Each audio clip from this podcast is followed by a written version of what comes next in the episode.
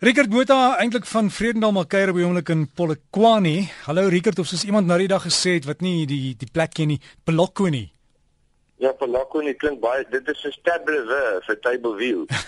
hallo, hallo Derek. ja, mense wat nie weet nie Richard. Richard, ons onderhoud vandag, ek wil 'n bietjie gesels oor kom ons veg in die naam van geloof. As jy terugkyk na die geskiedenis, daar is hoeveel geloofsoorloë wat al plaasgevind het en baie keer klein klein verskilletjies. Ehm um, hoe hoe kan 'n mens sê ja, kom ons kom ons doen dit in die naam van geloof. Ja, hoe wil amper sê hoe maak jy sin van daai gemors? Uh kyk Derek, ek kan ek kan vir jou regtig sê, ehm um, as ek nou luister wat God oor hierdie saak gesê het, nê, nee, dan is dit baie baie duidelik dat die oomblik wanneer jy mense beveg, het jy nie by God gehoor nie. Dit is wat hy self sê, so dis sy karakteropenbaring. Nou nou dink ek aan ehm um, Paulus byvoorbeeld wat geskryf het, ons worstelstryd is nie teen vlees en bloed nie, maar teen die owermag, teen owerhede en die magte in die lig, nê. Nou, daar's oorloë al met rooi kruise op swaarde en SS soldate met God met ons op hulle belde, daai goed alhoewel onder die vaandel, jy weet, uh van God of onder die naam van God, het niks met God te doen gehad nie. Natuurlik het dit fenominale skade gebring in die lewens van mense van mense wat nie beter weet nie. Jy weet sê o, o, o, so dis wie God is. Jy weet God uh God laat toe dat sy mense ons verkrag of ons swanger vrouens oopsny of jy weet ons mense uh in in die gaskamer sit of wat ook al is die vieslikste gruwel daar wat jy kan dink. Dit het niks met God te doen nie. Inteendeel, dit het alles te doen met alles wat nie God is nie. So enige iemand wat dan 'n oorlog wil voer teen mense in die naam van God is 'n ongelooflike leenaar. Nou wil ek jou gou 'n snaakse ding vertel. Ek het 5 jaar in Oekraïne gebly en bietjie navorsing gedoen um, oor hulle geskiedenis wat vir my vreeslik interessant was want dit weet dit so dit so groter as ons in hier in Suid-Afrika. Net die stad waarin ons bly was 1000 jaar ouer as wat ons nou sou sê die moderne beskawing in Suid-Afrika is. En uh, weet jy wat het daar gebeur? Op 'n stadium het um, nou ek praat van die Tsar se tyd, het Russiese magte die Oekraïne binnegeval. Maar wat hierdie ouens te doen is, hulle trek toe Oekraïense weermag uniforms aan. En uh, dan gaan hulle in die die villages in. Ek weet nou nie wat dit in Afrikaans is, maar die klein plattelandse dorpies. Dan vermoor hulle almal voor voor die voet en verkrag die mense en die mense weet nie beter nie. Maar al wat hulle sien is die mense wat dit gedoen het het Oekraïense weermag uniforms aangehad. So hulle sê dit die Oekraïne, hoe weet die Oekraïense weermag? En so kry hulle dit reg om die Oekraïners teen hulle self te draai. En jy ken mos nou die storie van, jy weet, verdeel en en oorheers, divide and conquer. En dit wat ons baie kry, weet op hierdie onderwerp, veral as dit nou te doen het met sogenaamde Christene, wat kan mekaar nou oorlog voer vir die koninkryk of in die naam van God. Dit het niks met God te doen nie.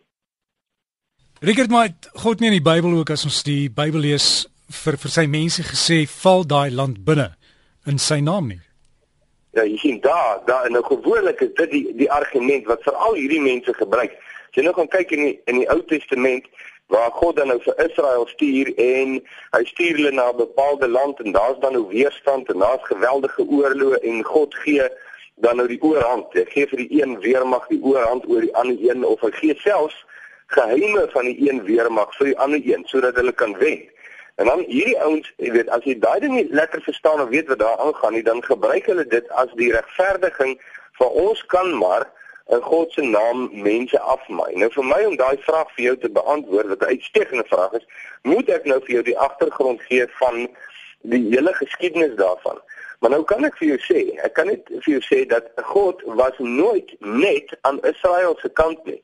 Jy weet ek sal jy kan die geskiedenis kry waar byvoorbeeld sê nou maar Egipte waar God Egipte se kant gekies het omdat ehm um, daar soveel ongeregtigheid was in die lande om hulle of sê nou maar selfs die Galdeëse kant wat uit Irak uitkom wat geweldig goddeloos was maar dat God hulle kant kies om oordeel te bring.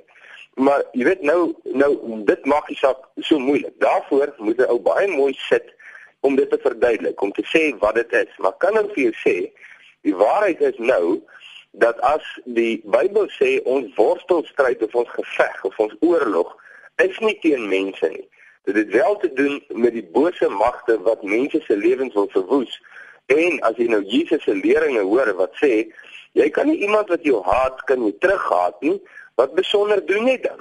So nou kry jy hierdie leringe waar hy sê maar as iemand jou haat, moet jy hom lief hê of jy moet hom vergewe. Dit nê nee, is die absolute ondenkbare. Daar's 'n daar's 'n snaakse klein dingetjie wat ek miskien net vinnig nog kan sê.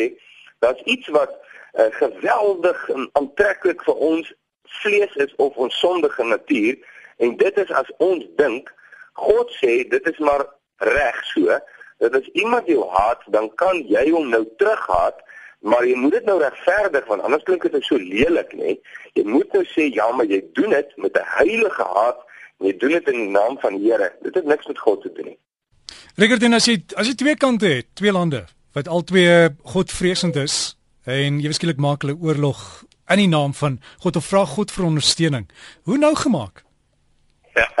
nou, is my teenvraag sou gewoonlik in hierdie situasie wees, Is dit moontlik vir twee godvreesende lande wat regtig godvreesend is, nie wat met die vlag hier rondloop nie, regtig godvreesend is om oorlog teen mekaar te maak?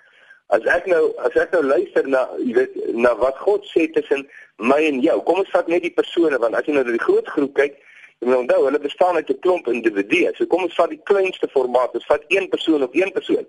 Dan sê God, daar's nooit 'n regverdiging vir my om jou te haat of om jou liefdeloos of uh, te behandel of leed aan te doen. So, kom ons vat net die twee persone en ons gee dit in groot groepe. Wanneer sal dit dan nou regverdig wees vir 'n persoon om haatlik en liefdeloos teenoor 'n ander een op te tree? Of dit nou individue is en of dit nou groepe is. Nou besef ek een ding.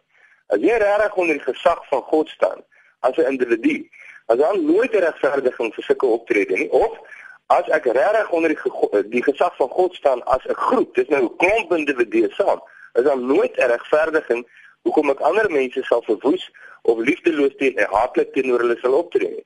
En ek weet so nou kom ek terug na die vraag toe twee godvreesende lande wat mekaar so hanteer, dan het ek 'n groot vraag op, weet hoe werklik is hierdie sogenaamde godvreesendheid? Want as dit werklik was, dan sou dit mos nou in lyn gewees het met dit wat God sê en nie teenoorgestelde nie. Dit's baie moeilik hier na Rickert, maar jy het vir ons 'n groot pleister vandag. Gee vir ons. Wel ek dink ek dink daar's daar's 'n groot ding. Jy weet ek sit nou hier in die skole. Ek was nou in Polokwane hier by skole by ehm uh, Tom Nudee Hoërskool en Pietersburg Hoërskool. En en jy weet wat die groot ding tussen kinders en ek dink dit kan dalk die pleister wees is almal is onthits wanneer hulle uh, liefdeloos hanteer word. Almal. Niemand hou daarvan as hulle nie gerespekteer word of as hulle te nagekom word nie. Maar is dit nie interessant dat wanneer ons dit doen, dan vind ons een of ander regverdiging hoekom dit reg is nie. Ander mense mag dit nie met ons doen nie, maar ons mag dit altyd doen teenoor ander mense. En ek dink die pleister daar is dat God sê dit is nie waar nie. Dit is huigelagtig. Dis 'n leuen. Dit is nie waar nie. Uh en die pleister lê dat God alle mense dieselfde hanteer met dieselfde respek, dieselfde liefde en dieselfde waarheid. En dat my hart voor God oop is. So ek moenie myself Man as 'n lekker tienerwoord wat hulle gebruik. Jy moenie jouself bol nie. Jy weet, hê oop harte, eerlike hart voor God wat hierdie saak betref en kyk wat sê hy vir jou deur sy waarheid. Ons sê Richard geniet dit in Polokwane, hoor. Dankie, dankie Derek. Lekker naweek vir jou.